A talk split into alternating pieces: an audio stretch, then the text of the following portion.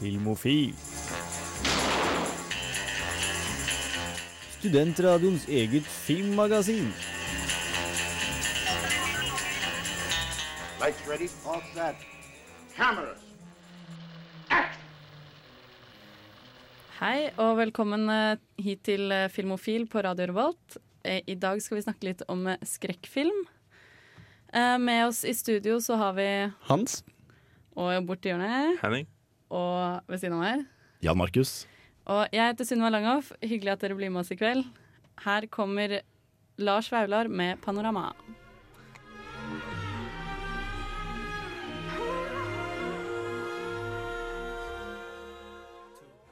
Ja, du hører altså på Filmofil her på Radio Revolt, og vi har en litt annen sending, sending i dag. For vi har jo med oss eh, to gamle filmofile Hei, hei. Hello. som vikarer for eh, Trine og August. Eh, og nå skal vi snakke litt om hva vi har sett på siden sist. Og Hans, hva har du sett? Du, jeg har jo sett så jævla mye og ikke hatt en kjeft å snakke med deg om. Um, men en ting som jeg har sett som jeg har kost meg veldig veldig med, er The Wire på HBO. For det, Jeg hadde ikke sett det før, og det var på en måte Nei, done.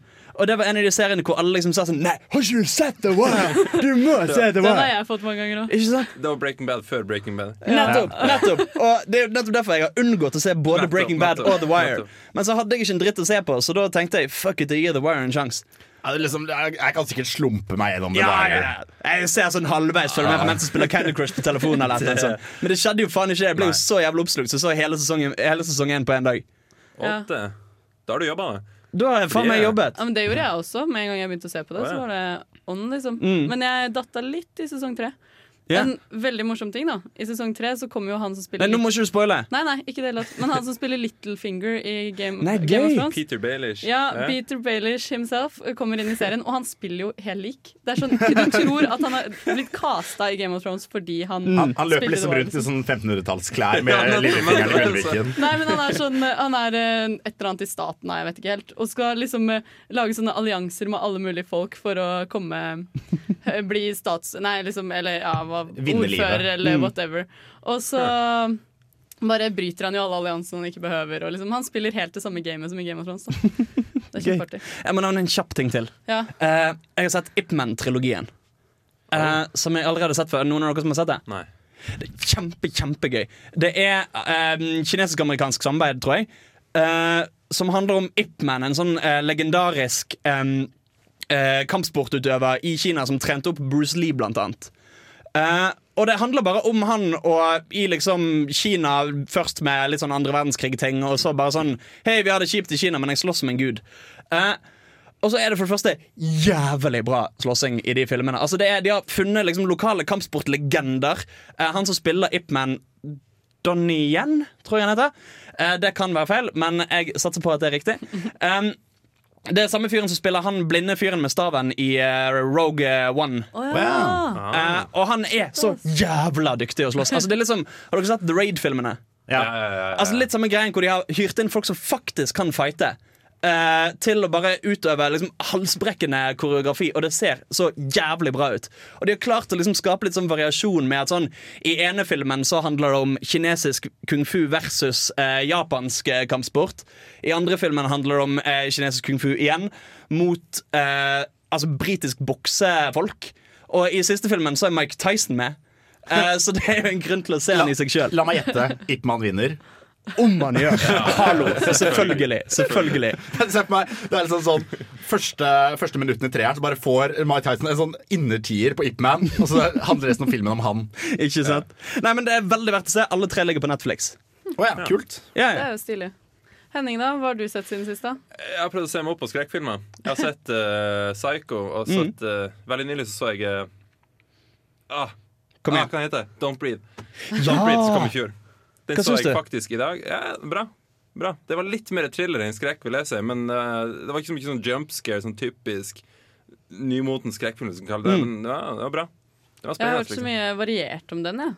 Ja. Ja. Ja, så noen er sånn dritpositive. Jeg så traileren og ble ganske sånn shit, den har jeg lyst til å se. Hva, hva er det folk sier som ikke er bra med den?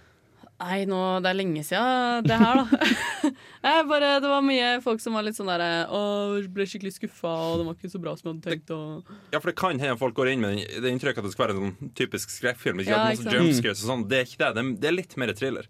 Ja, det er jo Men det. det er jo digg med den creepy feelingen, syns Jeg jeg. Ja, fordi fangene dine det er mer creepy, og ikke den derre Du blir mer skremt, og ikke Du skvetter ikke, lenger. Nei, sant. det er ikke, det var ikke, det var Altså sånn- Litt mer er sånn mer at- klaustrofobisk Ja, ja. følelse, Mm. og når ikke løper rundt i mørket Ja. og er redd for at han fyren skal komme. Nettopp. Du sitter faktisk og gruer deg til å se han, ikke til å, at han plutselig hopper i ansiktet. Og, sånn, Ikke liksom. det, er ikke det, er, det er ikke skummelt, det er bare at du skvetter.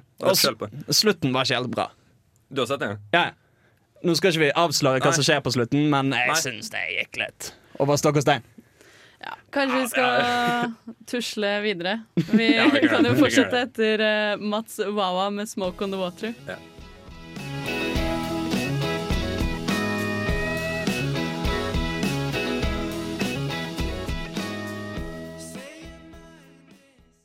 Ja, vi skal fortsette å snakke om hva vi har sett siden sist. Eh, og Jan Markus, det er din tur. Ja, jeg har jo sett eh, Ikke minst så har jeg vært på kino.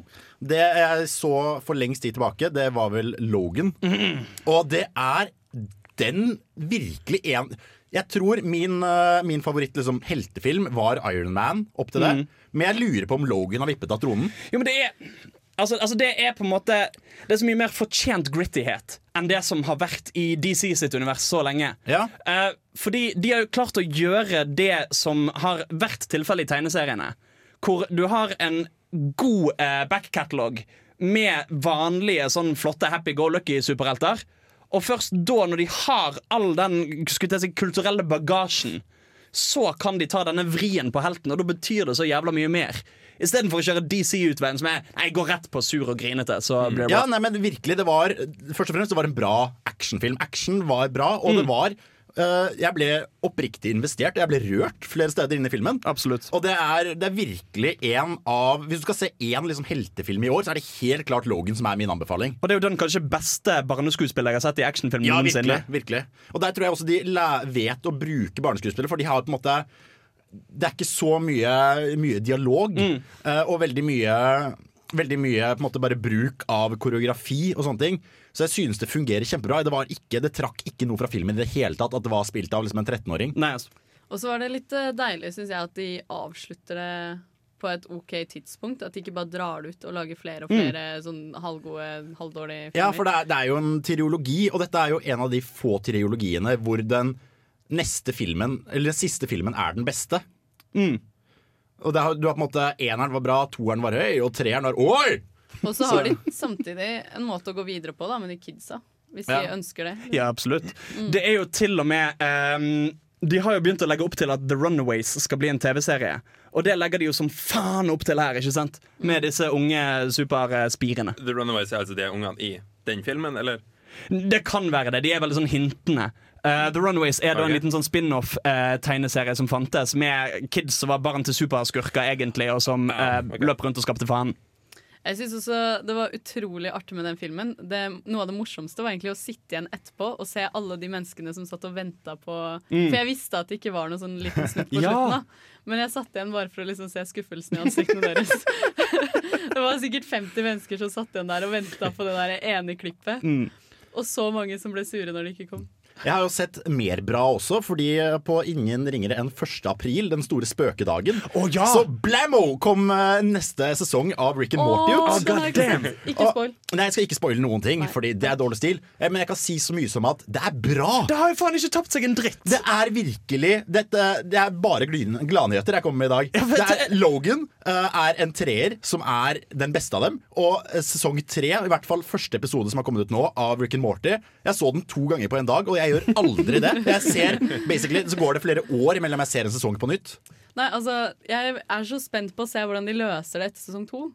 For i sesong to, det var sånn sesongavslutningen var sånn Du får ikke lov å avslutte en sesong på den måten.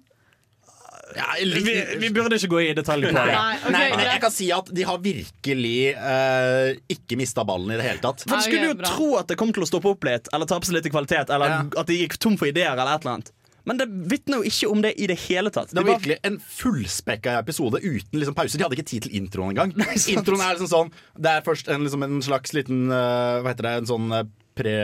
Ja, i hvert fall. Ja, En litt, uh, prolog. Ja, en liten prolog, og så er det liksom Rick and Morty, og så begynner showet. Ja, ja, ja. De har ikke tid til introen engang, for det er for mye som skal fram. Og det, er, det føles ikke rusha, og det er bare skikkelig bra gjort. Og det ligger gratis ute på internett, så dere har ingen unnskyldning. Gjør det det? Ja. Du, hvis du bare Jeg, jeg fant den faktisk i Facebook-feeden min. I sin helhet. Ja, altså når, Send meg link, når de launchet den, så sendte de den på loop på Adult Swim sine nettsider. Yes. Jeg gleder meg. Eh, jeg har jo vært og sett litt ting sjæl. Mm. Jeg har litt sånn dilemma nå, Fordi at på skolen så driver vi med dokumentar, og her skulle vi se skrekkfilm. Så jeg har kun sett liksom dokumentarer og skrekkfilmer hele Men litt sånn skumle dokumentarer, kanskje. Jo, ja, det har endt med at jeg har sett veldig mye dårlig dokumentar. Da. Sånn derre Couples Who Kill og sånn. Nei da, den har jeg faktisk ikke sett. Men uh, mye sånn rare dokumentarer om uh, mord og sånn. da. Men uh, det jeg har lyst til å trekke frem, er egentlig Funny Games. For jeg var og så den på søndagsfilmen på Samfunnet på søndag. I 35 millimeter. Ja. Uh, og vanligvis er det litt sånn om det er 35 millimeter eller ikke, er ikke så viktig. Det er liksom kult at OK, det er på filmrull, liksom.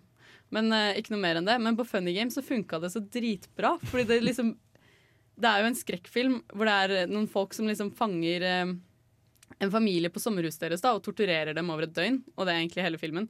Eh, og så bryter de den fjerde veggen og snakker direkte til kamera. Og når det da samtidig er på 35 mm, så blir det så sånn der, som om de har filma det sjæl. Mm. Så det bare skapte så sånn ekstra creepy feeling. Skikkelig ekkelt å se på. Kult, så det er faktisk en av de få gangene på en måte selve mediet har gitt noe til Ja, ekstra til filmen. det er skikkelig verdt å se 35 mm, liksom. Ja. Litt sånn vi fant denne filmrullen uh, Eh, i ja. en- i en blikkboks i skogen, liksom. Børsta støv av projektoren og Noen dedikerte drapsmenn. Ja. Filma et drap i 35 millimeter, la det på boks og liksom, planta det i skogen. Jeg så en De dokumentar hvor de gjorde det også, da, faktisk. Mm. Eh, dårlig dokumentar, men eh, Det høres litt ut som det de gjorde med eh, Steve Jobs-filmen med uh, Fassbender i hovedrollen. Eh, for da foregår det over, altså, på tre ulike tiår. Og eh, da er det på 80-tallet så er det filmet med hva blir det, 15-16 millimeter? Det er 16 millimeter. Det går 1632 og så 70. Det går 16-35. Ja, 16 OK, noe sånt. I hvert fall. i hvert fall På 15-16 der i går en eh, millimeter er på 80-tallet. På 90-tallet er det 35 millimeter, og på 2000-tallet er det digitalfilm. Så du får en sånn skikkelig visuell kvalitetsendring etter hvert som tiårene går. det er stilig, da. Og det de også gjorde, var jo at de hadde ekte Apple-PC-er som de eh, pussa opp igjen og fikk til å funke på ordentlig. Så de, hadde, de har virkelig lagt arbeid i det historiske med den filmen. Det er ganske kult. Vi skal snakke mer om nyheter fra filmverdenen etter Dunderhon... Dunder, Dette klarer du. Dundronning. Dunderdronning, ja. N3 Lulin.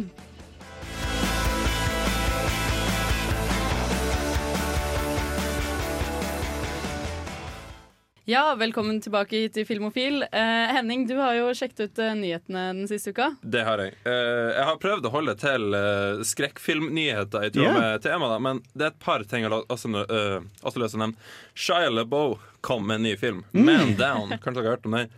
Jeg har hørt om saken, i hvert fall. Den solgte hele én billett. Men dagen etterpå klarte de å øke Tredoble salget, hørte jeg. Ja, tredoble. Økte 200 til tre billetter solgt. I alt har den tjent 75 kroner. I hvert fall i Per billett, da. Riktignok. Ja, per billett. Ja, ja, ja, per billett. Sorry.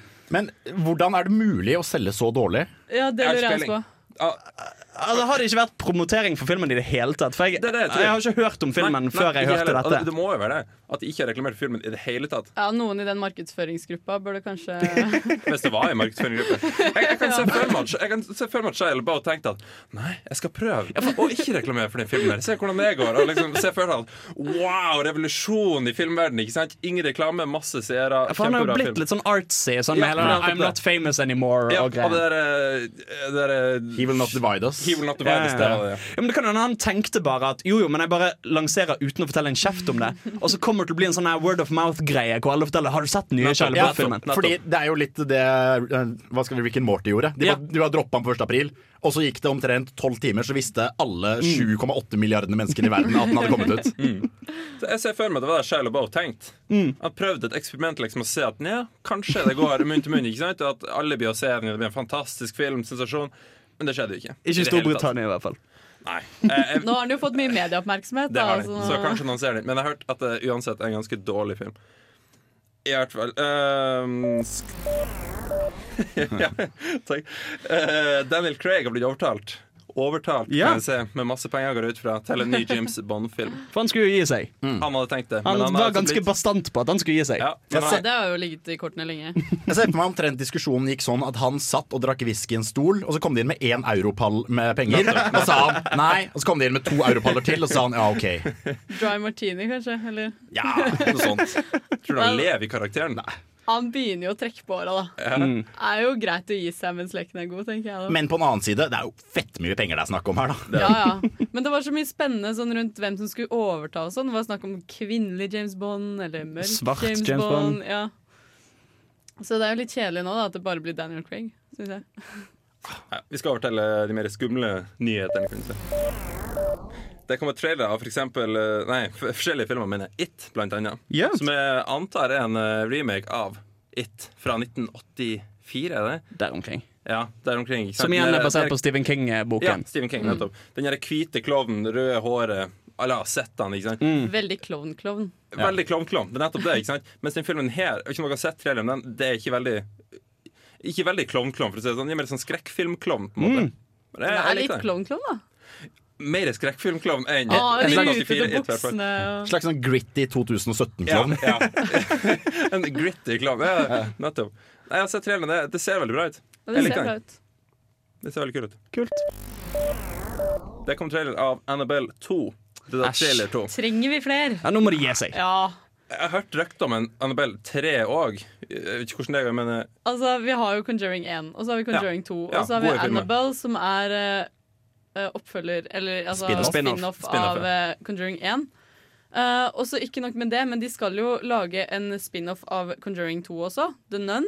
Ja. Som kommer rett etter Annabelle 2 kommer. Det er så dumt! Og så skal de lage Annabelle 3, og så kommer jo sikkert The Nun 2. eh, og så Så det, er, det er basically The Conjuring Extended Universe. eh, ja. Ja, basically. det blir et spindelvev av filmer rundt The Conjuring MCU. Altså, jeg skjønner jo at de har mye kassetter å ta av. De dreiv jo Hva var det de drev med? De tok eh, ut ånder av folk eh, over Ja. hele Mm. USA, men Og allikevel, det da. der suvenirrommet der er jo Ja. De kan jo forsyne seg av filmideer. Ja, ikke sant, ikke sant? De Men jo, eh, det blir litt teit, da. De skal Ja. gi ut det gang på gang. mens leken er i. Ja. Mm. Det er relevant til videre i sendinga. Så kommer det en uh, alternativ ending til Get Out oh. på Blu-ray Det gjør det. Det er jo skal- en ganske artig nyhet, for har ikke noen av oss sett nemlig Get Out? Eh, jo. Oi, kan det stemme? Jeg har hørt om det. Hvem da? Uh, Hans har vel sett Get Out. Det var meg, faktisk. Ja, uh, vi skal høre den etter Herman Wilhagen og Friends. Etterfulgt av en liten pause. Da kommer vel anmeldelsen din, Hans. Det stemmer. Ja.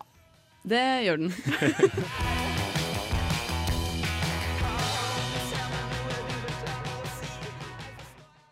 ja, det var Herman Wildhagen med Friends. Eh, vi er da filmofil Eller du hører på Filmofil her på Radio Revolt. Eh, nå skal vi begynne så smått å bevege oss litt inn på temadelen her. Fordi Hans, du har vært og anmeldt en film. Det stemmer. Jeg har vært og sett den nye rasebaserte skrekkfilmen Get Out. Ja. Kan jeg bare si litt kort om den, da? Uh, spoiler alert, den var jævla bra. Um, og Nei, han var det, det er veldig annerledes fra basically veldig mye jeg har sett før. Uh, det, det er veldig, veldig friskt pust i uh, horrorbransjen. Og jeg håper uh, Jordan Peele lager mer. Ja, Det høres jo lovende ut, da. Mm. Skal vi kjøre anmeldelse? Vi snurrer anmeldelse. Det er ingen hemmelighet at Hollywood ofte er litt pinglete når det kommer til å ta opp vanskelige problemstillinger. Det virker ofte som om filmindustrien vil snakke om rasisme, kjønnsdiskriminering og andre saker, men at de er redde for å fremmedgjøre deler av publikummet sitt. Hvite, konservative hashtag not all menn.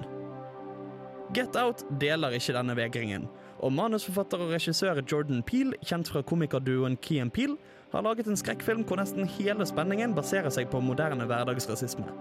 Filmen er skummel på en effektiv måte, han tyr aldri til billige triks, og mest av alt føles han uhyggelig aktuell. You don't have to give him your ID because you haven't done anything wrong. Baby, baby, it's okay.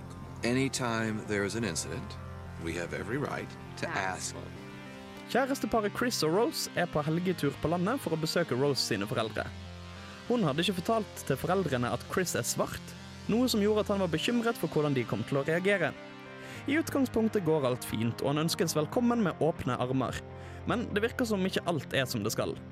De eneste andre svarte i området er tjenere, og ser ut til å trå på eggeskall rundt den hvite familien. Og noe med måten de oppfører seg på, gjør at Chris aner ugler i mosen. Det blir etter hvert tydelig at han er i livsfare og må komme seg vekk derfra. I got hypnotized last night. Nigga, get the fuck out of here. Yo, yo, yo, yeah, yeah, to quit smoking, but it's Rose's mom's a psychiatrist, so. Bruh, I don't care if the bitch is Ayana Van Zant, okay? She can't fix my motherfucking life. You ain't getting in my head. I know she caught It's cool because I'm cured. It worked. Noe av det som gjør filmen veldig bra, er hvor effektivt trusselbildet legges opp. Helt i begynnelsen av filmen får vi se en kort scene som viser at det foregår noe skummelt i disse nabolagene, og i store deler av filmen er det det eneste beviset vi har på at noe er feil her. Ellers er det stort sett scener med Chris og Rose sin familie, som er insisterende tolerante. Fraser som 'jeg ville ha stemt på Obama en tredje gang hvis jeg kunne', føles innøvd, og det virker som familien prøver å imponere Chris med hvor lite rasistiske de er. Scenene kunne ha vært fra en dramaserie om velment hverdagsrasisme, men selv om vi ikke vet akkurat hva, så vet vi fra begynnelsen av filmen at det er noe som gjør det utrygt å være svart i disse traktene, og det gjør at alle de små misforståelsene får en helt annen tyngde. Chris was just telling me how he felt much more comfortable with my being here. Get out. Sorry, man. Get out! Yo! Akkurat som flere andre skrekkfilmer, fra The Shining til It Follows og The Babadook, er dette en film som bruker horrorsjangeren til å fortelle om noe mer. Han klarer å vise at fordommer er kjipe, selv om de er av den gode sorten. Typ svarte er så kule og atletiske. Filmen framstiller en situasjon hvor minoriteter kun har verdi i sammenheng med hva de har å tilby majoriteten, og liten egenverdi ellers. Mest av alt er det en film som i veldig stor grad fungerer fordi vi som seere forstår utgangspunktet i konflikten uten å måtte få det forklart. Vi skjønner at Chris vegrer seg for å henge med den hvite familien til Rose. Vi skjønner de gode intensjonene som ligger bak hverdagsrasismen, samtidig som vi gjenkjenner det som nettopp rasisme. Skrekkelementene i filmen bidrar til å skape en spenning og et alvor rundt det, men kanskje det er akkurat det som trengs når rasespenninger i verden generelt, og USA spesielt, fører til vold og drap. Look, Jeffrey Dahmer was eating the shit out of niggas' heads, okay? But that was after he fucked the heads. Do you think they saw that shit coming? Hell no. Okay? And thanks for that image right there, man. Hey man, I ain't making this shit up. I saw on A and E, man. It's real life. Yo, and it's the black people out here too. It's like all of them miss movement. Cause they probably hypnotized. Uh-huh, uh-huh, uh-huh. Get Out er en knallfilm. For de som vegrer seg litt for skrekkfilm, kan jeg avsløre at jo da, det er en eller to jumpscares veldig tidlig i filmen, men de brukes mest for å skape en stemning som gjør dette til en av de mest anspente filmene jeg har sett på lenge. Mest forfriskende er det likevel at der andre filmer som The Imitation Game, The Danish Girl, 12 Years a Slave osv. kun setter viktige problemstillinger i et historisk lys, sånn at vi kan klappe oss sjøl på skulderen og si 'jammen var det bra at vi ble ferdig med diskriminering for 50 år siden', så klarer Get Out å være veldig aktuell med saken han tar opp. Situasjonen i filmen virker selvsagt fremmed og overdrevet, men ikke veldig fremmed og overdrevet. Og det er kanskje det skumleste av alt. Ja, Hans, ble du skremt? Ja, jeg ble jo det! Og, og ikke på en sånn «Uga, buga, buga, Her er noe oppi trynet på deg. Men på en sånn synkende måte. Altså, du sitter der og på en måte Du føler en sånn jævla trygt stemning. Altså, Jeg syns det er sammenlignbart med altså, altså basically sånn pute-TV. Altså Klovn og Helt perfekt og de der der hvor du sitter og tenker Nei, ikke si det! Bare med skrekk istedenfor kleinhet. Uh, for det er alle disse små øyeblikkene når, uh, når liksom de er i et sånn hageselskap, og alle de hvite liksom forstadsfolkene driver og sier sånn Ja, når jeg, når jeg ser på golf, så er det alltid Tiger Woods jeg heider på. Hæ? Uh, så kommer de med sånne småting. Og det er på en måte ikke kleint, men du t sitter og tenker ja, men det er noe jævla feil her. Hvorfor er alle så forbanna insisterende på å være glad i svarte? Uh, det, det blir en sånn veldig merkelig, snål, men kul stemning. Jeg føler bare du sier det. Ja. Jeg føler Ikke det er litt sånn Oi. Eh, Det er noe rart, det. Nei, og så Jeg likte den jævlig godt. Uh, jeg har lyst til å se den igjen. Jeg fikk lyst til å se den sjøl, ass. Ja, ja, jeg, Det er mye bedre med de som er litt sånn der creepy. Enn Mm. de som har mye jump scares. Og sånn. Og du sier jo også at spenningen her ligger jo i at du vet at noe er galt, men på en måte ingenting skjer. Og det er, jeg leste en anmeldelse en gang av uh, The American med George Clooney. Eh, og i hvert fall, der sa de at spenningen ligger ikke i at de skyter hverandre, spenningen ligger i hvorfor skyter de ikke hverandre. Mm. Hvor de da står, og så vet du liksom at nå er det to sekunder en skuddveksling, og akkurat da så stopper en skolebuss med barn og går av. Ikke sant? Og så er det sånn, ok, men da ble det ikke i dag. Ja, det er litt sånn Det er også deilig med skrekkfilmer, syns jeg, hvis de tar opp noe faktisk. Mm. For sånn det er ikke noe gøy med sånn derre Å, der er det noen som er besatt av noen, og så fjerner de den demonen, liksom. Ah, Nei, ikke sant? Porselensdokke med onde hensikter. Å, Ja. det er aktuelt. Ja, for det blir, det blir jo sånn at det fungerer som en hyperbol for faktisk eh, rasespenning i USA. Og, og, og ikke på en sånn her I'm a redneck cop and I'm a beat a black guy. Men på en sånn Her tar vi faktisk et oppgjør med liberal, eh, liberale hvite menn som stemte på Obama og kanskje ville at Hillary skulle bli vår neste president. Og som hører på en og annen JC-låt når de føler seg litt ekstra kule. Som eh, fistbumper alle de svarte de ser når de skal hilse på dem. Eh, de, tar, de tar på en måte opp den delen av bildet. Og det er det faen meg ingen som gjør. All, hele jævla Hollywood er jo bare en gjeng med sure gamle pingler som ikke tør å si, si noe skikkelig. Men her tar han faktisk opp moderne, aktuelle problemstillinger. Og refser med nettopp de som føler seg så jævla kule og hippe og tolerante. Fuckings mic drop, ass. Ja, men dønn! Ammo. Eh, nei, det, det, det er noe helt annet enn noe jeg har sett på jævla lenge. Men uh, trenger den en eh, annen eh, slutt på Blu-ray? Ja, Hva føler du om det, egentlig? Ja, hva føler du om det? Altså, for å si Hva føler du om jeg skal, det? jeg skal ikke spoile. Jeg kan si såpass at de siste halvannet minutt av filmen så trodde jeg det skulle gå en veldig annen retning enn det endte opp med å gjøre. Så jeg tenker jo at hvis det finnes en alternativ slutt på det, så tror jeg kanskje jeg vet hva det er. Okay. Og det er i så fall en deprimerende fucking slutt, ass. Hvis det er det jeg tror det er. Eh, så jeg Altså, jeg, kjø jeg kjøper jo ikke Blu-rays, for faen. Uh, men kanskje jeg skal det. Bare for å se hva som faktisk var uh, den alternative slutten. Så det er ikke sånn, med, sånn som med How I Met Your Mother, hvor du bare Jeg holdt på å si 'get out'. Eh, Nei, men det er jo en del film altså, Det er jo som for eksempel uh, I Am Legend, som blir så mye bedre med den alternative slutten. Ah, jeg har ikke sett det. Eh, som ble sakset Nei, det, ble, det forandrer alt. Ja. Um, Shit. Ja, for den, den følger mer enn det som skjedde i boka, var det ikke? jo, eller i en av Den altså, den, den historien har blitt adaptert og fortalt så Ja, jævla ja, ja, mange ja. ganger at det er ikke godt å si hva som var originalt lenger. Um, men ja. Ja. Skal vi da bare bevege oss inn på temadelen, kanskje? Tøffe oss videre. Ja. Her kommer, først så kommer 22 med You Are Creating.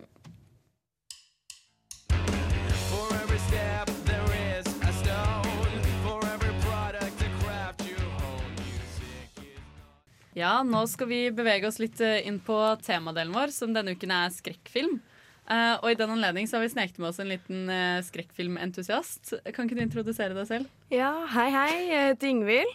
Halla, Ingvild. Halla. uh, ja, uh, vi skal snakke litt om skrekkfilm, altså. Og ja, hva, hva er egentlig kategori Eller hva er egentlig skrekkfilm, dere? Fordi vi har jo vi har snubla litt eh, inn og ut av det temaet her da vi snakket om selve temaet før sending. Ja. Og det er, det er liksom Er dette en skrekkfilm? Nei, det er thriller. Ja. Det er Også, veldig, det er ja. veldig uh, sjangerskille der, som du sa. Også med Lights Out er litt mer sånn thrilleraktig. Så er jo uh, horror og thriller ting som ligger veldig nært hverandre i følelse, kanskje. Eh, men allikevel har noen ganske klare forskjeller. Altså, jeg vil jo si at Det er på en måte to forskjellige måter å se på det på. Um, rent sånn sjangerspesifikt så er det jo horror definert som på en måte fantasy som har um, innslag av de litt sånn mørkere og kjipere folkloretingene. Altså vampyrer, varulver osv. Men jeg vil jo si at det som gjør at fant, uh, fantasy, uh, eh, skrekkfilm settes i en jævla egen sjanger, er at det er så forbanna bruksorientert. Det handler liksom om Du skal bli skremt.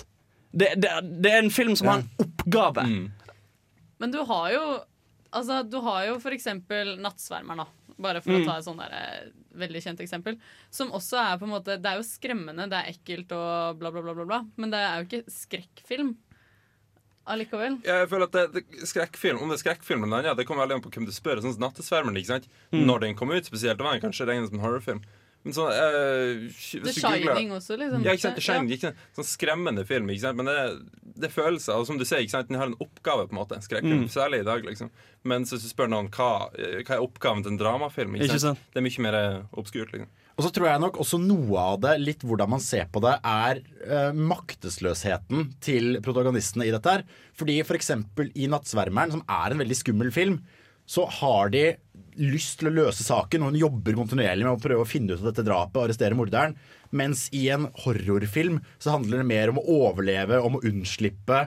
Eh, For eksempel The Shining, så er det jo dette hotellet som gjør deg galere og galere, og de slåss jo på en måte ikke tilbake mot hotellet. de Det er bare, fra det. ja, de, de bare prøver å overleve og slippe unna og bli bare gærnere og gærnere. Men der har du jo igjen typ, ja, Get Out eller Conjuring, da, hvor de på en måte aktivt prøver å få ut denne ånden. Eller, altså, I Conjuring-filmene så er det jo utrolig altså, I eneren, det eneste som dauer, er jo en hund. Det er jo litt sånn Spoilers! altså, ja, de fleste har vel sett Conjuring ennå, har de ikke det? Men jeg vil jo si at altså, filmer som The Conjuring, som er mer rent skrekkfilmer der føles det jo nesten mer som om en er på en berg-og-dal-bane. At en kan Ja, ja. gjenkjenne håndverket i det. Ja, ja. Altså, altså, Jeg sitter ikke og tenker nødvendigvis uh, og karaktermotivasjonen til han her er så bra utført, og jeg forstår virkelig hans behov versus det han vil ha. Uh, men du sitter og tenker fy faen, den jumpscaren var godt gjennomført. Ja, Ja, det er nettopp det. ikke sant? Jeg fokuserer veldig på den oppgaven en skrekkfilm prøver å, Mm. å utføre. ikke sant? Særlig Conjuring-filmene, Insidious. Sånne ting. Mm. Du skal bli redd, rett og Ja, slett. ja. That's it, egentlig. Ja, Så det er definisjonen på skrekkfilm, da? Du skal bli redd? Ja, det kommer an på hvem du spør, da. Jeg vil jo si det, altså det, det er jo på en måte en bred definisjon i seg sjøl. Du skal bli redd. For du kan jo si at det funker på mange nivåer. ikke sant? Altså Du har filmer som The Conjuring, som skal være veldig sånn Buh! Uh, og så sitter du og er redd og begynner å tenke faen, jeg vet at det ikke finnes spøkelser. Jeg vet at det ikke finnes demoner. Men faen, hva hvis? Og så har du filmer som altså, Haisommer. Um, som uh, fuckings uh, den filmen vi snakker Don't Breathe. Som er litt mer sånn Du blir engstelig fordi plutselig er du litt nede på um, Hva skal jeg si matkjeden. Ja. Eller hva det Ja, ja, egentlig ja, heter. Næringskjeden. Næringskjeden er det heter. Ja, jo. Conjuring spiller jo også mye på det der med at det har skjedd i virkeligheten. Ja, sånn. ikke sant? Det er også en creepy del av det. Eller skulle jeg si, som nat- nattsvermeren, da. Frykten for at det finnes sånne folk der ute. Jeg vil jo si at Innenfor en viss definisjon kan du til og med kalle fucking Zodiac for en skrekkfilm. Ja, ja, det, sitter- Den tenkte jeg på, faktisk. Ikke sant? For du sitter og tenker Jo, men dette er jo folk som kunne eksistert. Ja. Nei, den i Zodiacs har jo eksistert. har Ja, eksistert. ja. Og Det er veldig ubehagelig å se nå. Du tenker absolutt det her ville virkelig ikke skal skje med meg. Ikke sant? Sånn som en skrekkfilm. Ja, Vi skal snakke mer om temaet skrekkfilm etter Hvitmalt gjerde med Utafor.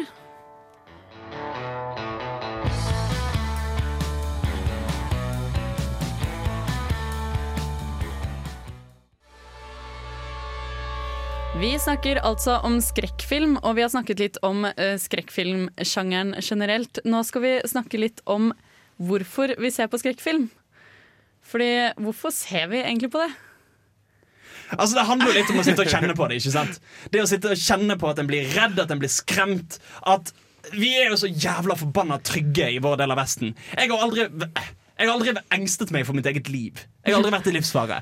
Så da kan du sitte der og faktisk oppleve hvordan ville det vært å bli jagd av en eller annen galning. Hvordan ville det vært hvis det fantes spøkelser som hadde lyst til å besette meg, og hekser som hadde lyst til å brenne meg, eller vice versa. Ja, eh, jeg ser personlig på det i det håpet om å bli redd en gang. Eh, jeg blir så sjelden. Jeg, blir så Det er sjelden det redd. og tøffeste du har vært med i studio. Ja, det er, jo, jeg blir ikke så skremt. Da. Den creepy feelingen tar meg med en sånn jump scares. Jeg skvetter lett, men jeg blir sjelden redd. Mm. Ingvild, hva tenker du? da? Nei, jeg ser jo kanskje på for å flørte litt, da.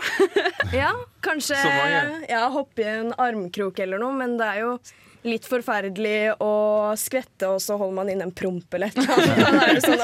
Kan gå feil vei. Ja, kanskje.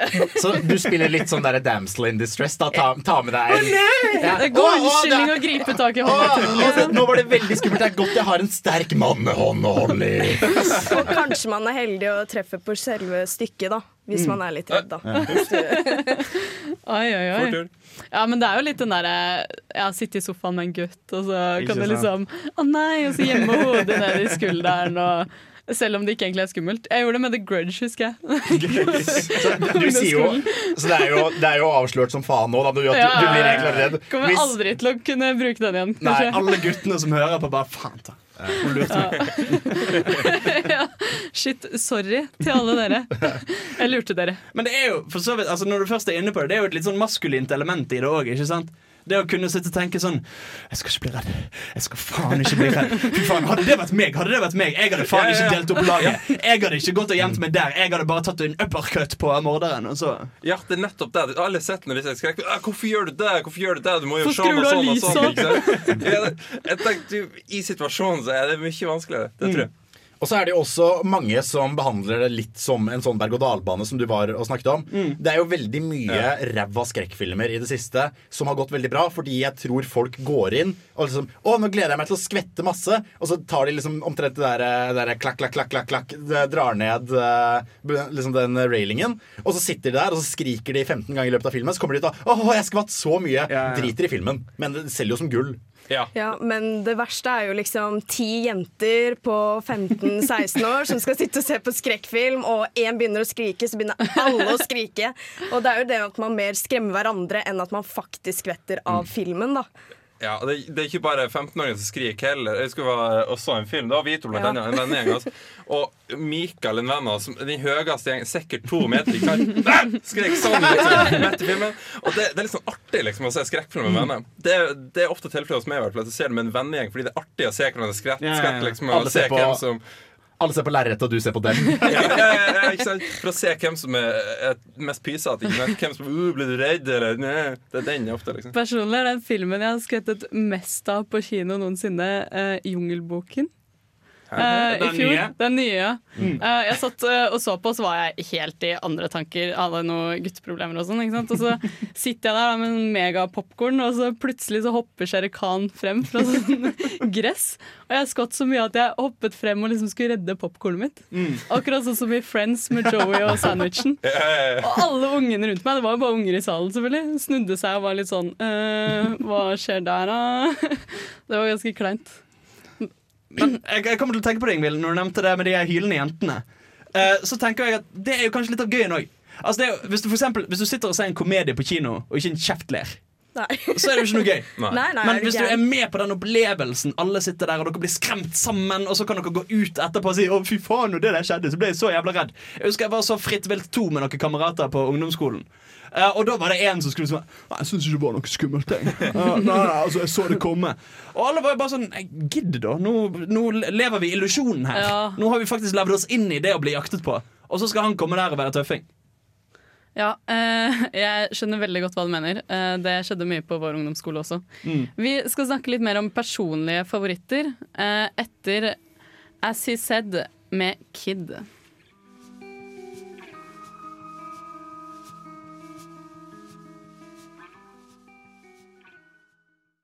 Ja, da, da skal vi snakke litt om våre personlige favoritter innen skrekkfilm. Og Jan Markus, eh, du hadde lyst til å begynne? Ja, det er en ganske moderne film som jeg så på kino eh, for ikke så lenge siden. Det er It Follows. Som har kanskje et av de virkelig bedre soundtrackene. Det er den mm. kjenningsmelodien som er på en måte et potpurri av hele filmens soundtrack. Er en av de topp mest hørte låtene mine på Spotify. Eh, og så er det også en ekstremt kul skrekkfilm, for det er noen scener hvor du skvetter, men det er mest den ubehagelige følelsen av å aldri kunne slappe av, som virkelig setter seg igjen. Mm. Det er som du er i karakterene. ikke sant? Du, Ja. du er aldri sikker på når du er trygg, for du, du er aldri trygg. liksom det er, sku- Du er jo fan av synth, er ikke det? Ja. Sangen er spesielt bra. Ja, nei, den er, det er rett og slett kanskje min favorittskrekkfilm, fordi den er det, det er bare en skikkelig bra film, og den er ubehagelig skummel. Ja, Noen andre favoritter? Hans? Altså, Jeg likte jo veldig godt eh, den australske The Babadook. Ja, du likte den eh, godt? Du sier det som om du ikke er enig med meg, Sunniva. Eh, altså, jeg liker måten de fremstiller angsten på, Ja? men jeg liker ikke selve monsteret. Det gjør jeg ikke. Nei, det kan jeg gå med på. Mm. Eh, det For er jeg ikke- liker filmen egentlig, men det var litt sånn når, hver gang monsteret kom, så falt jeg litt ut av det. Og jeg, jeg, jeg ser også litt Det kan kanskje ha noe med budsjett å gjøre, for det var jo det var Ja. spilt inn på liksom to tyggis og Noe en håndholdt kamera. uh, men den, uh, den akkurat det som ligger i bånn der, som jeg også synes er veldig kult med It Follows, for det handler veldig mye om seksualitet og de skadelige sidene ved seksualitet. Eh, og også The Babadook, som handler om hva med når barnet du elsker du er redd for å skade det. Ja, det, det er jo nettopp det. Det handler om frykt for seg sjøl. Ja. For hva en sjøl er i stand til å gjøre mot de Ja. en er glad i.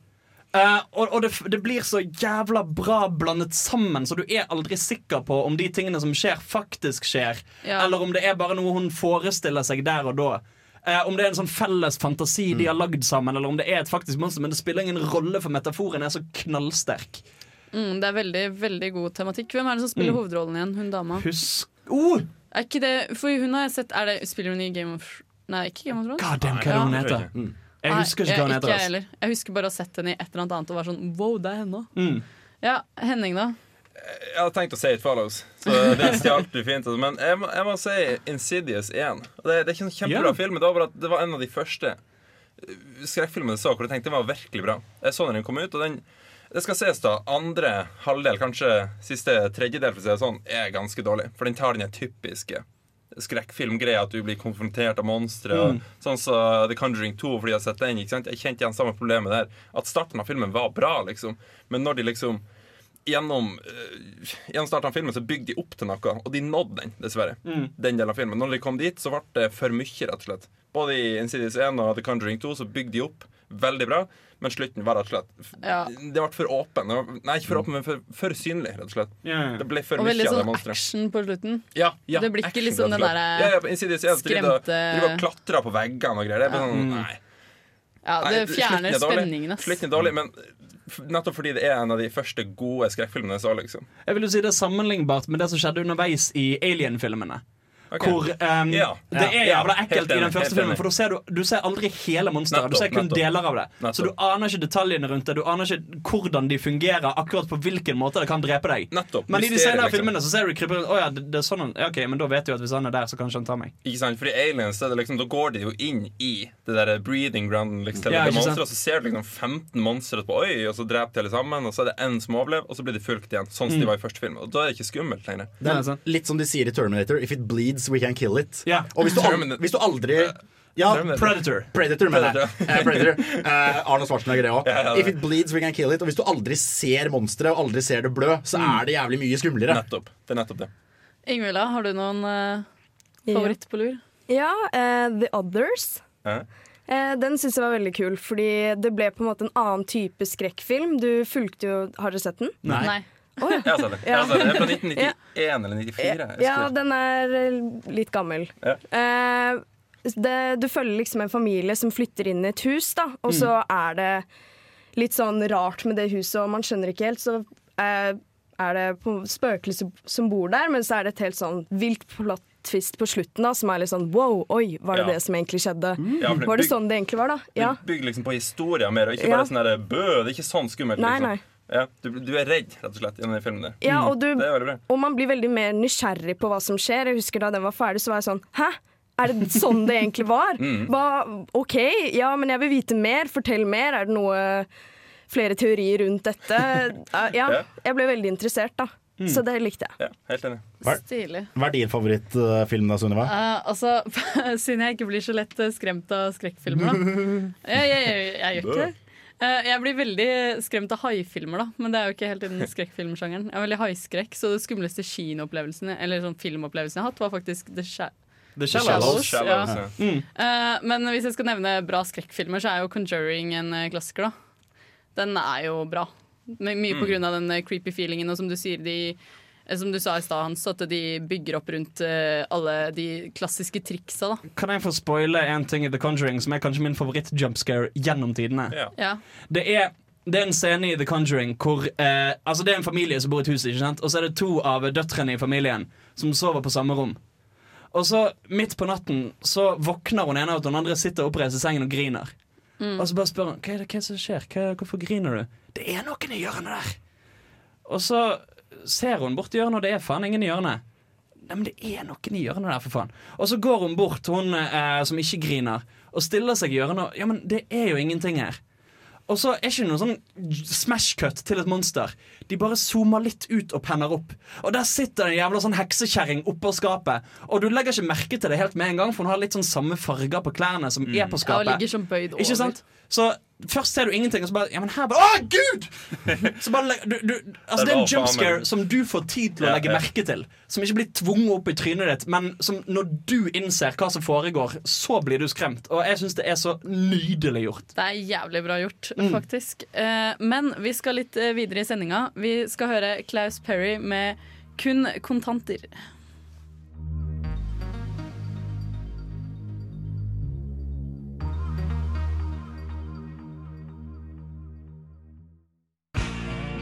Hei! Hei! Det er ikke 90s sitcom-flashback. Ta og Skru på noe annet. Ja, bedre, men prøv igjen. Der, ja! Ahem. Filmofil presenterer ukas serie.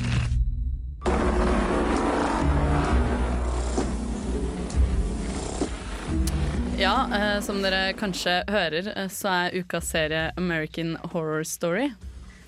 Eh, det er jo en litt sånn spennende serie, syns jeg. Fordi Mm. det er jo den ene serien som faktisk har veldig veldig tydelig trekk til sjangeren skrekkserie. Altså, det er jo veldig mange andre serier med horrorelementer i. Ja, Altså, men ingen som er så Nei, klare. For du har, måte, altså, du har True Blood, for eksempel, som har litt vampyrer i seg. Eh, Teen Werewolf, jeg vet da faen. Ja. Eh, serier som bruker horrorelementer. Til, til vi skal ha Scream-TV-serien, som jeg syns er Ja. ganske bra. Mm. Um, er jo fortsatt egentlig en litt sånn tenåringsdramaserie som har skrekkelementer i seg. Mens American Horror Story er liksom reinspikka horror. Og det er jo også uh, Det er jo en utfordring, da, fordi de gjør jo litt sånn metahumor på det i Scream-serien. Mm. At man kan jo ikke lage en uh, Man kan jo ikke lage en skrekkserie fordi du kan ikke bygge opp i sju episoder og så ha den store revealen, liksom. Hvordan klarer du å holde det skummelt og skrekk i en hel sesong? Mm. Akkurat det syns jeg American Horror Story fikk til. I sesong én spesielt. Det var en ganske Det var en ganske god twist liksom på slutten. Det synes jeg det var. Det var greit, det var underholdende. Og jeg vil ikke si det var sånn kjempeskummelt, liksom, men jeg klarte å følge med. liksom Den varierer jo veldig også fra sesong til sesong, ja, hvor bra den er. Ja, For det er en sånn antologiserie, er det ikke? Altså Det, det finnes en sånn rekkefølge på internett med sånn hvilke sesonger du kan hoppe over, og hvilke du bør se, og hvilke du kan se. Ja, ok. Eh, men det er mye ymse. Det er ikke alt som er like bra. Nei, jeg, personlig så hoppa jeg på sesong tre. Ja, okay. Når de tok inn Emma Roberts som eh, Hun er jo med i Scream Queens, da, som igjen er en sånn derre teen-skrekk-greie. skrekkgreie. Men uh, hun syns jeg fungerer veldig godt som den derre overlegne, litt sånn uh, rich bitch-dama. Mm. Men det funker ikke i American Horror Story i det hele tatt.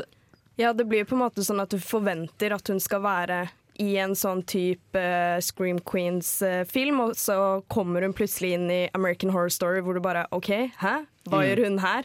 Og så er hun litt sånn diva, og da me- me- merker jeg i hvert fall at det, det blir litt mindre seriøst, kanskje, da.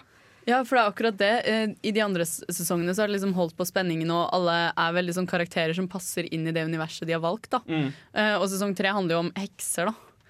Eh, Ja, men for det var nettopp det, for da begynte jeg å få litt sånne vibber til liksom eh, denne serien som gikk på påskemorgen for eh, tolv år siden. Ja, ja, den der, var det den derre Mildred uh, Mildred, ja, ja, ja. Mildred herregud, Pierce, det, eller hva faen det det var. er noe så Eh, eller fuckings Potter. Altså, det ble litt sånn eh, Å, nå skal vi hekse sammen, men pass dere for de stygge heksene.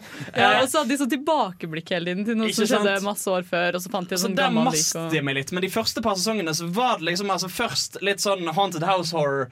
Og så litt sånn body horror-greier med dette uh, Mentalsykehuset, mentalsykehuset ja. hvor de driver og opererer på hverandre og diverse. Og, og altså, altså den, det synes jeg, jeg syns kanskje sesong to er den jeg likte best. Fordi der Ja, får du òg den at at du er ikke bare redd for monstrene.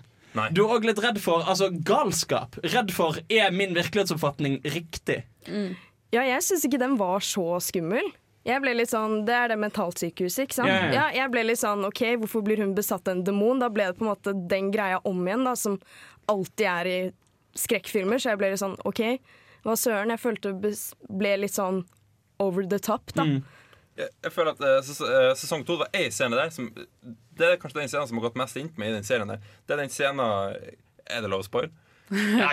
Ja, den scenen hvor hun våkner på operasjonsbordet, hun ene dama, Mm. etter at legen har blitt sur oh, på ja. henne. Ja, hun, han hun, hun der er litt sånn promiskuøse ja, ja, nymfo... eh, ja. Og, ja, og kommer litt for nært han der gale doktoren. Ja, og så får hun innhold i nakken, så våkner hun på operasjonsbordet uten bein.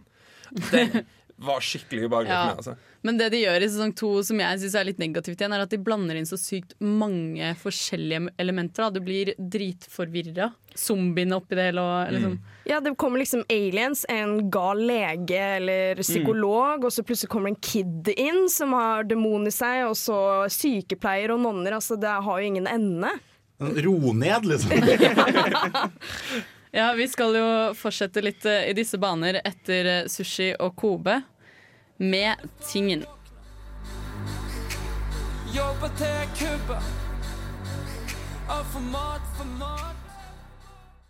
Vi snakket jo litt om eh, American Horror Story nå før sangen, og um, apropos litt sånn dårlig og bra, for noen av de sesongene er dårlige og noen er bra, Mm. eh, så skal vi snakke litt om dårlig versus bra skrekkfilm.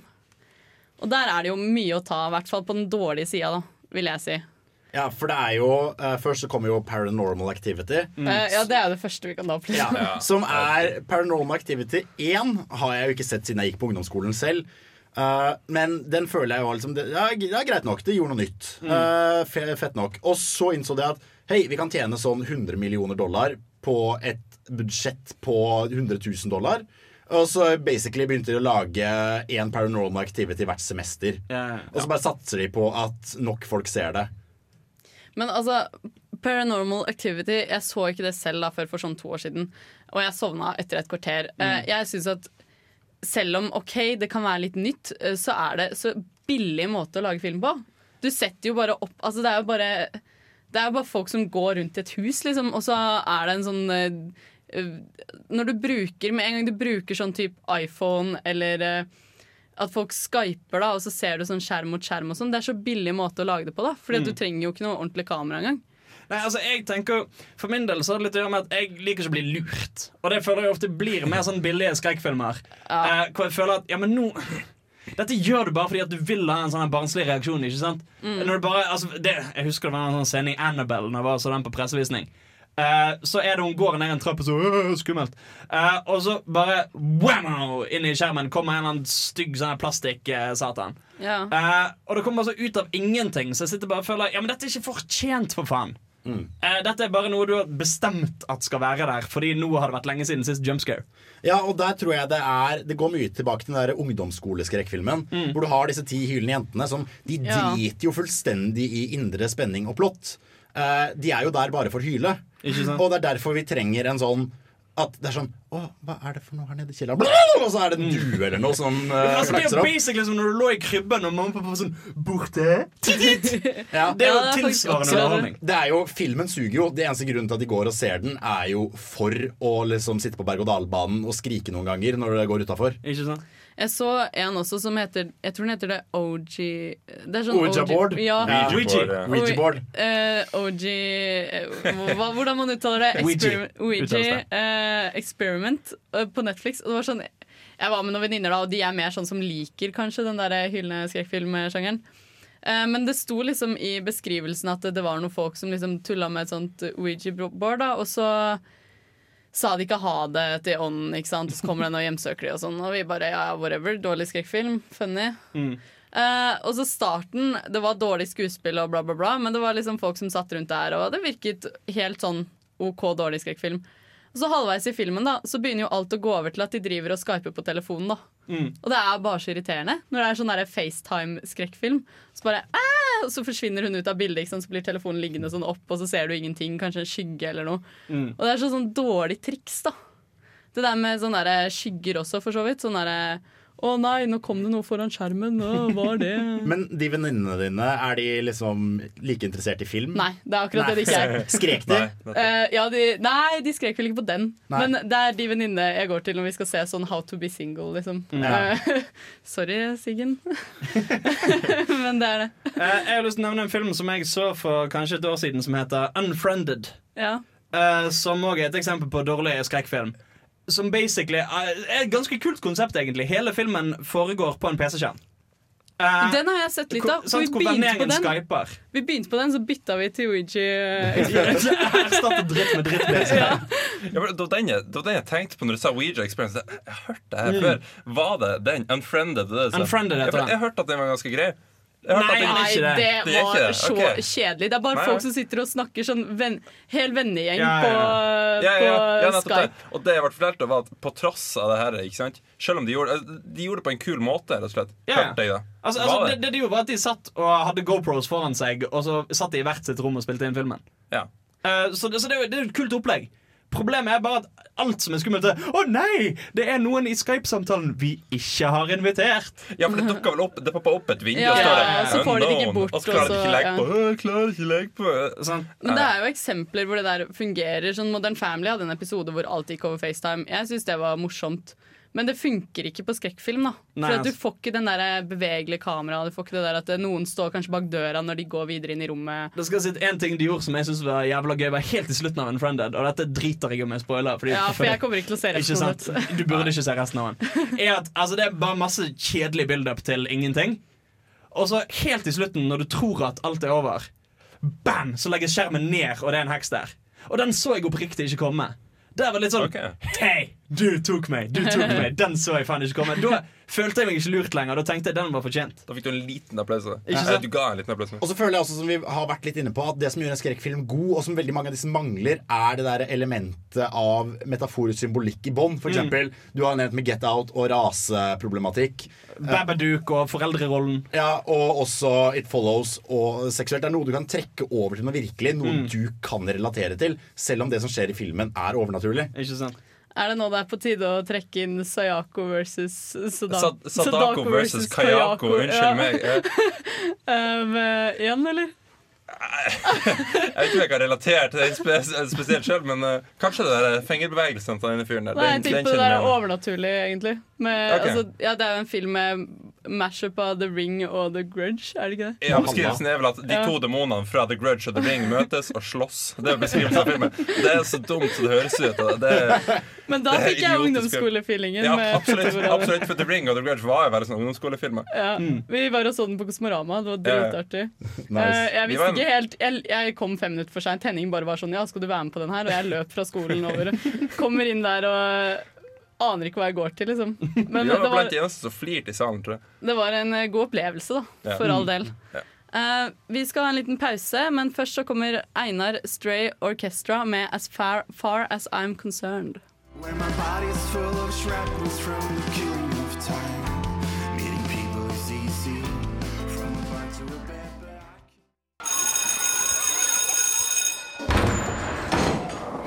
will be no foolish wand waving or silly incantations in this class. No, okay, that's it for the day then. Today we have a similar debate over this. Anyone know what this is, class? Anyone? Anyone? Anyone seen this before?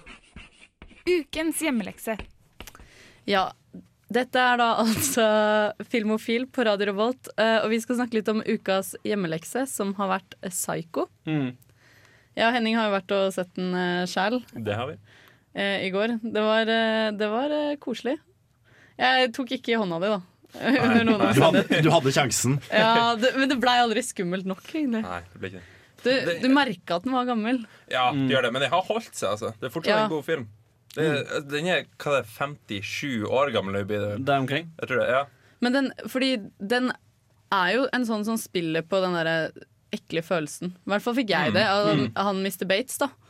Han eh, er skikkelig creepy, og jeg hadde Ja, skal jeg spoile igjen? Ja, det er jo vært Ja, hjemmelekse. ja, den 57 år gammel, Det ja. en 60 år gammel film. Nei, og jeg hadde jo ikke egentlig Jeg hadde ish tippa at mora var død fra før. Mm. Men det var fortsatt litt sånn sjokk når, når du skjønte at det var han som bare forestilte seg at mora var i live. da. Eh, Dette var jo filmen som introduserte verden for begrepet og tankesettet om spoilers.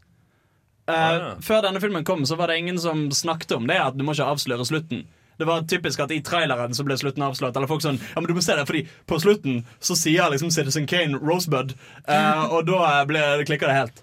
Uh, mens, mens til denne filmen da, så hadde liksom Hitchcock eh, lagd en reklamekampanje uh, på at å, du kommer aldri til å gjette hva som er slutten. Og etter filmen så var det en liten sånn greie hvor han sa til publikum sånn Ja, nå håper jeg dere har kost dere, og det er fint hvis dere ikke Wow. forteller til vennene hvordan dette slutter.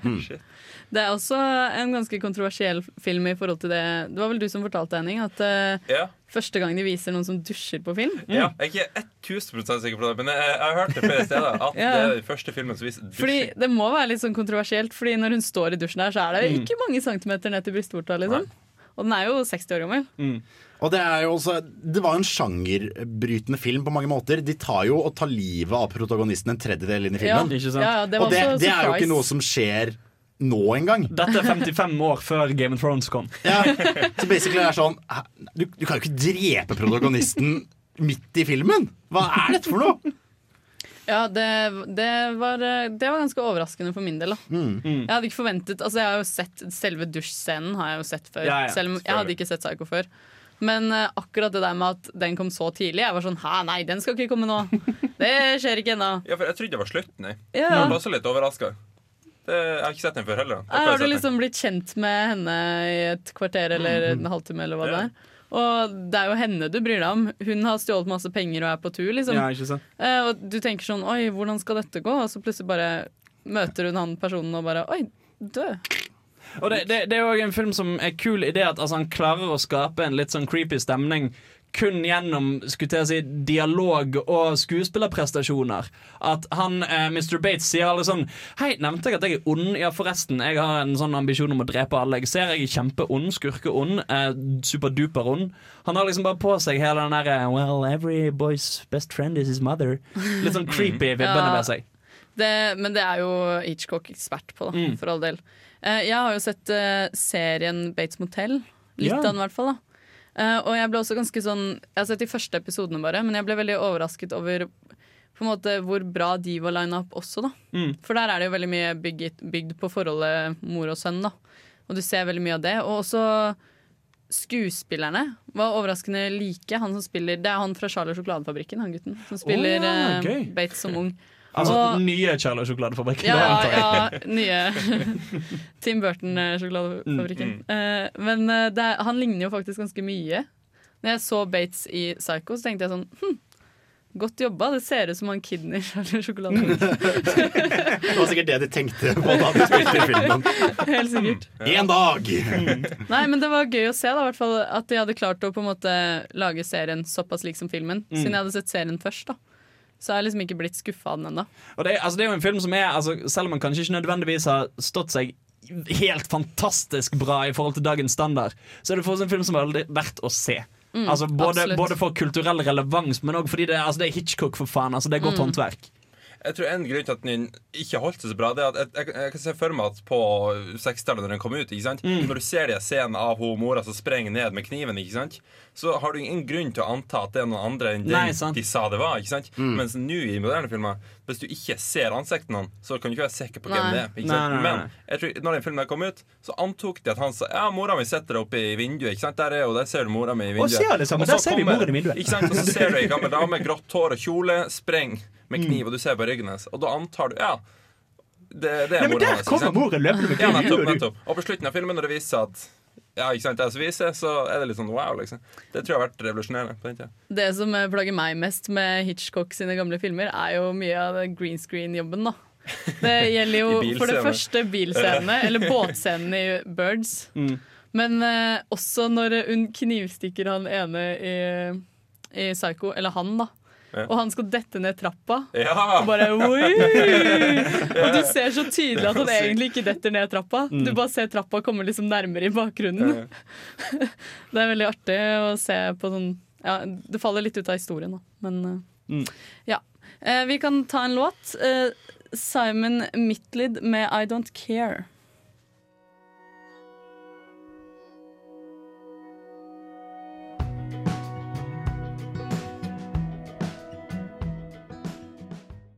Apropos gammel eh, skrekkfilm, så har jo eh, faktisk eh, skrekkfilmtrendene endret seg en del opp gjennom årene. Mm.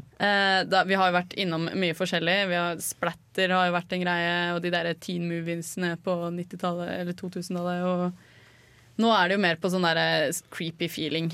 Ja, for det, var akkurat som, det var akkurat som det hoppet veldig på denne blockbuster-bølgen på slutten av 70-tallet, begynnelsen av 80-tallet. Med alle disse tenåringene som plutselig fikk penger og kunne bruke de på å gå på kino.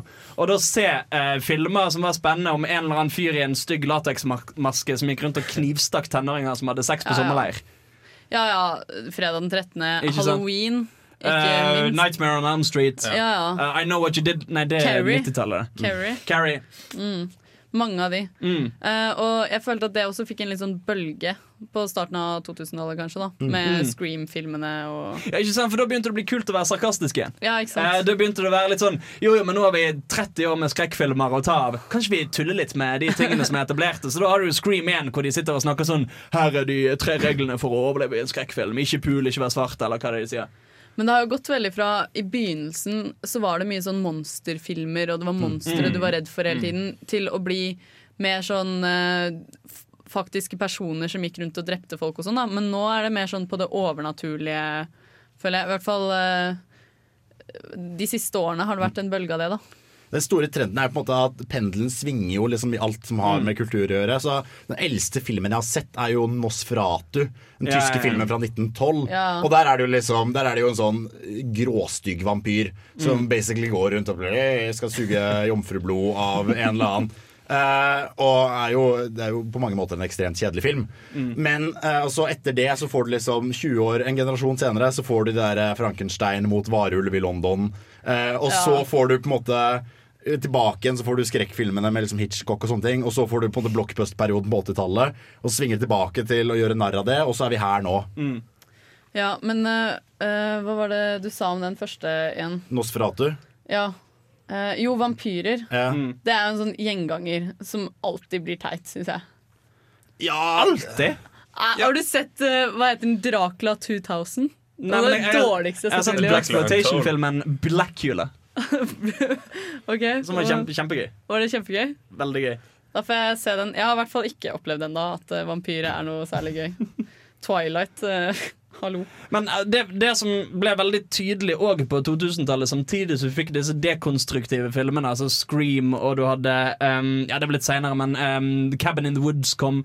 Eh, Tucker and Dale vs. Evil. Så hadde du òg denne plutselige innstrømmingen av japansk eh, skrekkfilm. Ja, ja. Uh, I 2004 var det vel, så ble den amerikanske versjonen av The Ring lagd. Og da fikk du, da fikk du mer dette overnaturlige. Mm. Altså dette I motsetning til slasher-filmene og disse filmene hvor det i veldig stor grad hadde vært liksom en fysisk forankring i det. Du hadde ett monster, en mann, en stygging som gikk rundt og drepte alle sammen. Så fikk du plutselig et spøkelse eller en ånd eller en demon som kunne være hvor som helst, som kunne skjule seg i veggene, som du aldri visste helt hva var, og som du aldri visste helt logikken bak. Du visste ikke nøyaktig hvordan ting fungerte. Og da ble det skummelt på en annen måte. Men det dummeste med sånne japanske og koreanske skrekkfilmer er jo at det lages amerikanske remakes. ja. Ring 1 er jo bra, syns jeg. Den har jeg ikke sett, men eh, The Grudge og sånn. Mm. Ja. Det blir liksom Jeg føler remakes i USA funker sjeldent, da. Mm. Det skal sies at Sadako vs. Kayako er veldig japansk produsert. Hva er denne filmen? Film. Det var det, jeg om, det vi snakket om i Du stad. sa ikke en dritt vettug, om han. Hva, hva er det for en type film? Introduser den for Det en er en skrekkfilm. Sadako, monsteret fra The Ring, og eh, Kayako fra The Grudge møtes og slåss. Det, de skal Altså, få det er, er litt mer, da. Du følger jo en historie innen hver Ja, ja, av de. ja. Noen som blir besatt av eh, på den ene siden en kassett som du ser, og så dør du tre dager senere. Og på den andre siden et sånt hus. da Hvis du går inn, så kommer du aldri ut. Mm. Men så er det en sånn der mellommann da som sier at OK, du er besatt, og du er besatt. Dere kommer begge til å dø. Jo mindre vi får disse monstrene til å møtes og slåss mot hverandre, Ja. for de er eiersyke. Ja, de er veldig eiersyke, og hvis, uh, hvis uh, The Ring Monster, ikke sant? Hvis den har forheksa en person Mm. Hvis noen andre prøver å drepe en person, eller den personen prøver å drepe seg sjøl, så kommer The Ring-monsteret eh, Sadako og trer inn og drepe den og sier nei, nei, my kill. Ikke sant? Jeg skal drepe Ja, ja, den. ja. Så ideen da er at de skal få to personer besatt av begge to samtidig. Ikke sant? Og så ser de slåss om å drepe de personene. For med en gang den ene prøver, så kommer den andre. Og så prøver den, så kommer den andre. Og så, ja. Så det er litt sånn Godzilla versus King Kong. ja, ja, ja, ja, ja, ja. ja. Det, det funka ikke. Det Altså, funker funka ikke. Og så har de de der stereotypiske personene inni der. da Ja, ja. En blind jente på ni som er synsk. eh, Ja, og, hun kan av en eller annen grunn se forbannelser av sånne mennesker. Fordi Ja, ja. hvis du er blind, så Kan du se det? Ja, Ja, Jeg, jeg lurer også på litt dette med trenden. Vi har jo snakket om på en måte, de der eh, berg-og-dal-bane ungdomsskrekkfilmene. Mm. Er det noe nytt, eller er, har de alltid vært, og så har de bare gått i glemmeboka? Det har jo vært som du sier- fra 70-tallet, tenker du ja, på? Ja. Nei, altså det er jo på en måte en parodien på de, da. De på 70 Nei, nei de Ja, på så de, ja, Vi hadde allerede liksom slasher-filmen, som var deres sånn dårlige jump scares. Mm. Men det, altså når vi er på trender, så syns jeg det er veldig fint at vi begynner å se på en måte en trend i det at holdt på å si, wholesome skrekkfilmer kommer tilbake. Du, får, du har plutselig en popularitet i skrekkfilmer som faktisk er gjort skikkelig. For det var jo lenge på 2000-tallet så drev de og lagde filmer som basically de fant ut at Hei, vi kan bruke 20 000 dollar på å lage en film som tjener inn 20 millioner Mm. eh, dollar. Og da bare pumpet jo drit, som Ouija eh, og alle de andre greiene. Men så har plutselig It Follows, The Babadook, eh, Shallows var bra. Um, eh, som jeg så i dag, Get Out. Altså det, det, The Witch. Det, det, det har liksom blitt et marked for skrekkfilm som faktisk er bra og godt gjennomført. Ja, det er litt sånn nå for tiden så er det noen ganger verdt å dra på skrekkfilm på Ikke kino. sant? Du har det gøy, og du kan ta tak i eh, hånda til eh, typen ved siden av deg uten at det er et forsøk på på Uten at det er en date. Nei, ja, men uten at du kjenner han. Uten at du legger noe mer i det enn at du faktisk blir redd, da. Ja. tenker jeg. Eller jeg blir jo ikke redd, da. Men eh, Selvfølgelig. for dere andre. Eh, vi kan gå videre. Her kommer Magnus Beckmann med It, bother, It Bothers Me. The favorite thing in life that leads me on. It's all about it's all Late one, Sam. Det er jo alltid å ha musikk når den er påtent. Helst noe indisk eller pakistansk. Ukas filmlåt. Vi skal over på ukas eh, filmlåt. Eh, jeg har personlig ikke sett denne filmen. Men det har jeg. Skam. ja, det er nemlig It Follows. Ja, jeg føler jo, jeg kan jo representere denne filmen litt grann, fordi jeg også sa at det kanskje er favorittskrekkfilmen Fordi min. du akkurat prematurt ejakulerte og snakket den i hjel for et par stikk siden. Å ja, ja, men uh, hva skal vi si, vi plasker videre i barnebassenget og slapp, uh, slapp salami. Uh, nei, det er, uh, det er en film som først og fremst har Vi har valgt denne her til ukas filmlåt fordi den har en ekstremt bra soundtrack av Mm. Disaster Piece. Og det er så nydelig! Som har også laget liksom spillmusikken til Fez. Så Mm. veldig sånn elektronika-inspirert. Eh, veldig sånn langdryge toner som passer veldig til dette at det er jo den tingen som følger etter deg. uh, it som follows. eh, løper jo aldri.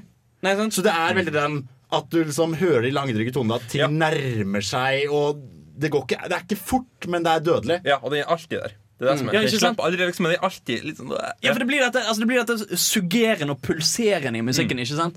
Som bare går og går og går, og det er noen tema som sniker seg inn der. Men stort sett så er det bare en puls som går gjennom hele filmen, og som bidrar til denne eh, klaustrofobiske, evige følelsen av at uansett hva du foretar deg, så kommer dette monsteret mot deg sakte, men sikkert. Mm.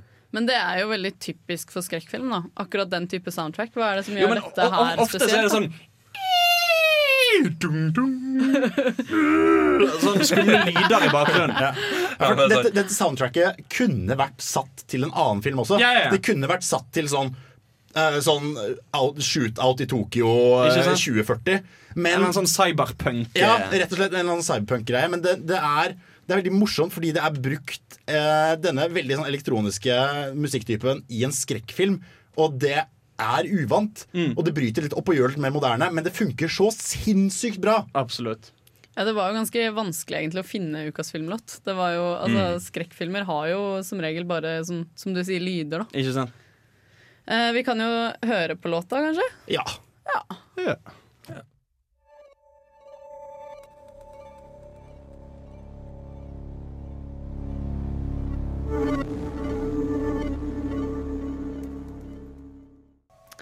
den eh, var jo ganske creepy. Det er ikke noe du har lyst til å høre i en mørk eh, bakgate på vei hjem etterpå, kanskje? Jeg har gått på den smellen før. Har jo den Spotify på random, og så plutselig kommer den når du går hjem, og det er skikkelig mørkt alene på vinteren. Og det er en eller annen bak deg som bare går. Ja. Ja, som, som bare går. Ja, ja, Lenge. ja. Ja, nei, vi skal avslutte sendinga. Eh, det er hyggelig at du har hørt på her i dag. På Teknikk har vi hatt Hans? eh, Så har vi hatt gjest. Ingvild. Hyggelig at du var med oss, Ingvild. Eh, I hjørnet har vi Henning. Og ved siden av meg her Jan Markus. Jeg heter Sunniva Langhoff. Tusen takk for i dag. Og så venter vi i fire sekunder. Ja, Kanskje vi skal vente i fire sekunder, da. Snakkes.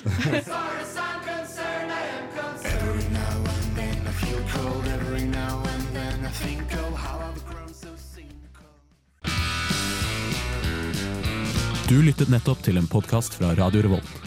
For å høre flere av våre podkaster, gå inn på radiorevolt.no.